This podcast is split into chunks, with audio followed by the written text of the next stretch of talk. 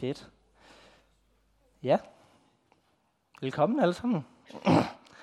øhm, ja, jeg vil for det første lige sige, at jeg er utrolig glad for, selvom at jeg er lidt nervøs, øh, at få lov til at dele, hvad det er, jeg har på hjerte endnu en gang. Øh, og som det første vil jeg lige sige, at det er utroligt unikt og dejligt, at i den her kirke, at man kan få lov til at stå som ikke-teolog og ufaglært og få lov til at dele, hvad der er, at Jesus taler til en. Så det, øh, det er bare, ja, det er fedt. Det er dejligt, at vi kan det i den her kirke. Men øh, jeg har givet titlen for min mini-prædiken, delt ord, kald det hvad du vil. Øh, der står skrevet punktum, punktum, punktum. Og det skal nok blive tydeligt gjort senere, hvorfor det er, at jeg har skrevet det. Og jeg er en type, der rigtig godt kan lide retoriske spørgsmål, fordi det, der har man noget at reflektere over, det er, sådan, det er nemt, det er kort, og så kan der godt ligge mere bag ved det, end man lige selv går og tror. Så jeg har valgt at, øh, have det retoriske spørgsmål. Hvad gør du, når Satan frister dig? Og, og grunden til mit retoriske spørgsmål, det ligger i, at øh, jeg læste i Lukas evangeliet, som jeg er i gang med at læse lige nu, øh, og jeg lagde mærke til noget, som jeg ikke rigtig havde lagt mærke til før. Øh, det er, det er hændelsen om, da Jesus han øh, er, bliver prøvet i ørkenen. Og bare lige for at give en baggrundshistorie, for lige for at alle er med, så er det sådan, at Jesus bliver døbt øh, af Johannes, Johannes døberen, og derefter så bliver han ledt af Helligånden ud i ørkenen, og, øh, og er så der i 40 dage. Og efter 40 dage, og han har lidt sult, så står der sådan her i kapitel 4, vers 3-4. Da sagde djævlen til ham, hvis du er Guds søn, så sig til stenen der, at den skal blive til brød. Jesus svarede ham, der står skrevet, mennesket skal ikke, skrive, skal ikke leve af brød alene. Og jeg synes, det er, og, og det var det, jeg, det første, jeg lagde mærke til, det var ordet da.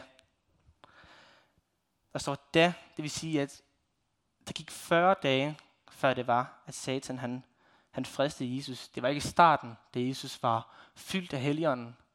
Det var ikke efter syv dage, og han var helt op at køre. Men det var først, da han led sult. Det var først, da han var helt nede som menneske, og, og var fysisk meget, meget svag. Det var der, at Satan han kom og fristede ham. Og nogle gange, så tror jeg, at, og det er overbevist om, at Satan han også venter med og frist, til, og frist os, når der er vi er allersvagest. Ofte så er det, at, at jeg bliver fristet. Det er sjældent, at det er lige når jeg står i lovsangen. Det er sjældent, at det er, når det er, at jeg oplever, at Gud taler til mig, og at Helligånden han er her. Det er oftest enten dagen efter, eller måske nogle dage efter, og jeg ikke rigtig kan mærke, at Helligånden er her. At så er det der, at jeg bliver svag, og så er det der, at Satan han ligger sin, sin styrke ind for at tynge mig ned og fortælle, fortælle mig løgne, som, som ikke er sande. Og noget andet, som jeg også lagde utrolig meget mærke til, som også er min overskrift, det er, at, at Jesus' svar på, på, på det, der Satan han siger, han indgår hverken i en dialog eller en diskussion. Han går ikke ind og siger, ah, det kunne godt være, Satan, at jeg måske, jeg ved det ikke helt, eller går ind og diskuterer med ham og siger, ej, det er ikke rigtigt. Han svarer bare helt roligt. Der står skrevet. Han citerer Guds ord, som han er opvokset med.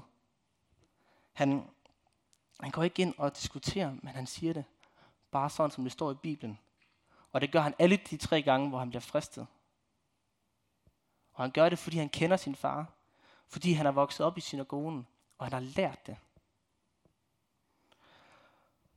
Og så er det sådan, at hvordan kan vi så modstå satans fristelse? Jo, det er jeg glad for, at I spørger om. Det vil jeg meget gerne svare på. Jeg elsker, når I deltager. Det er dejligt.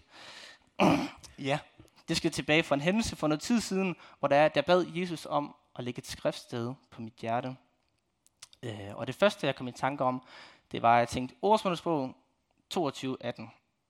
Og jeg kunne overhovedet ikke huske, hvad det var, der lige står i ordsmålsbog 22.18. Så jeg slår det selvfølgelig op, og læser så, at der står, Vogter du dem i dit indre, er de alle redde er de alle redde på læben. Det synes jeg var lidt kryptisk, hvis der man bare læste det. Øh, men det fede det er, at nogle gange så får vi lov til, at Jesus ikke kun fortæller os alt, men han fortæller os noget, og så guider han os resten af vejen. Og hvis man læser lidt før og lidt efter, så står der faktisk her noget, som hænger rigtig godt tråd min titel, og som jeg faktisk, at øh, jeg havde allerede besluttet mig for, at det var det, jeg ville dele med Jesus prøvelse i ørkenen, og så ligger Jesus det her skriftet på mit hjerte bagefter. Øh, der står her fra 22, vers 17 til 21. Bøj øret og hør de vises ord.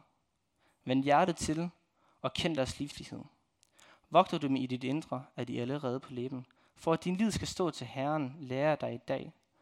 Alt i går optegnet til dig. Alt i foregårs råd og kundskab for at lære dig rammende sandhedsord.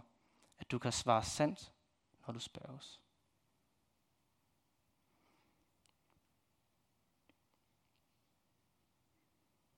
Gud har givet os alle ressourcer. Jeg synes, det var meget overraskende. Jeg har aldrig tænkt over, at Jesus, at Gud har givet os alle de ressourcer, de redskaber, de svar på alle vores spørgsmål. Dem har han givet allerede i går, så at jeg er klar til fristelsen i dag.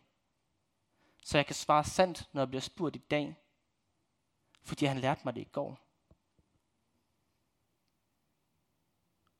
Og jeg synes, det passer perfekt ind i Jesus' situation i, uh, i ørkenen. At han, at han er blevet belært af sandheden. Han har, der står, vi ved ikke så meget om Jesus som ung, men der står, at han tilbragte tid i synagogen. Han tilbragte tid sammen med øh, lærerne, og de lærte ham om, om Toran, og der står, at han, at han voksede i nu er jeg ikke helt sikker på, om det faktisk er helt rigtigt, men han voksede i tro og visdom.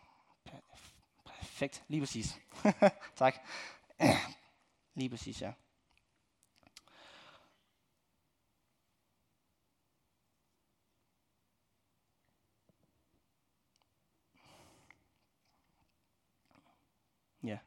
Jesus han lærte sandheden at kende, fordi han tilbragte tid i synagogen det havde ikke været muligt, hvis han ikke brugt tid sammen med sin far.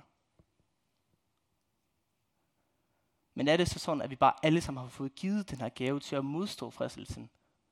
Har vi alle sammen svar på det hele? Faktisk ja, men også nej. Fordi hvis man kigger igen i vers 17, så står der, bøj øret, hør de vises ord, vend hjertet til og kend deres livlighed. Og rent grammatisk, så står ordene bøj, hør, vend og kend på bydeform. Og det vil sige, at det er en aktiv handling. Det er noget, man selv skal gøre. Det er en kommando. Så vi skal selv tage en aktiv handling, hvis der vi ønsker, at de vises ord skal være redde på vores læber.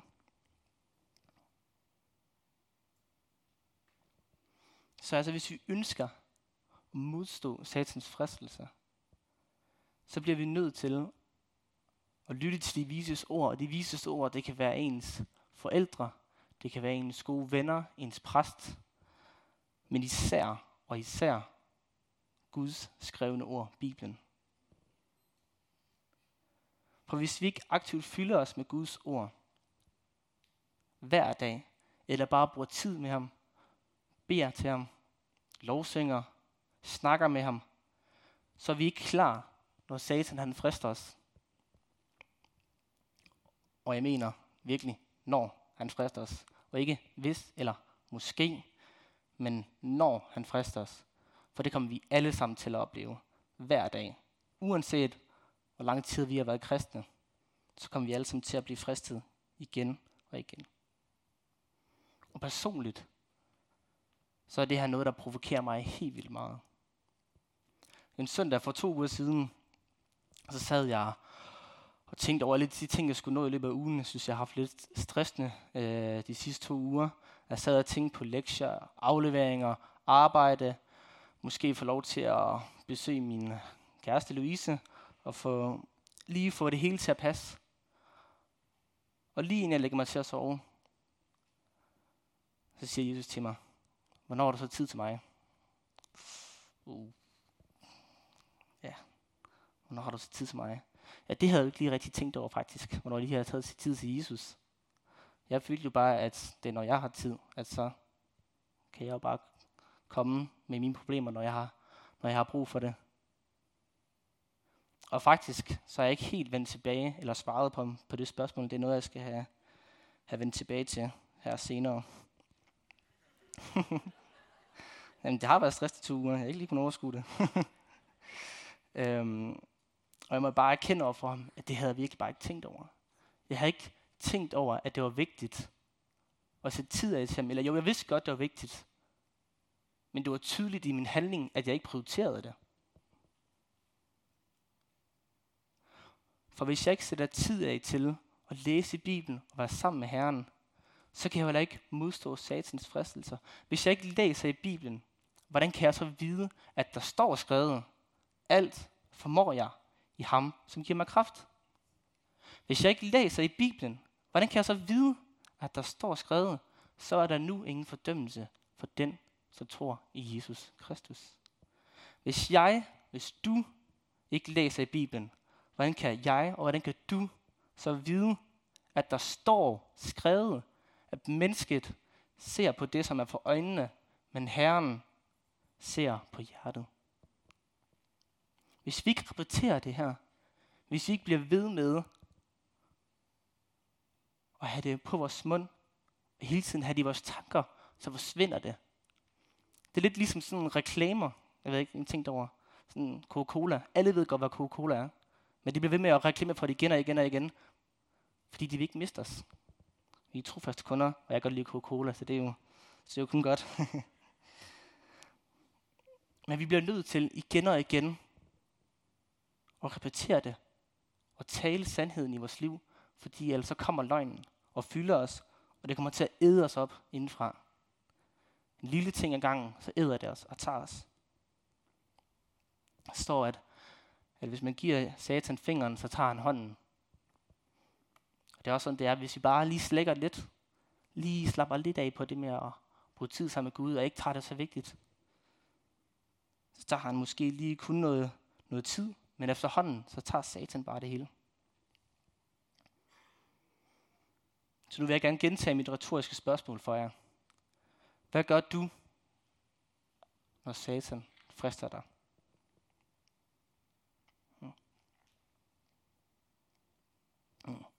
Og jeg vil rigtig gerne give mulighed for, at, at hvis det er noget, som taler til jer, at så vil vi har noget forbøn herover i den side af sagen, mens der er, at vi har noget no sang. Right? Ja, yeah. nice. Um, ja, så hvis I oplever, at det taler til jer, eller hvis I har noget andet, øh, så vil vi rigtig gerne bede for jer.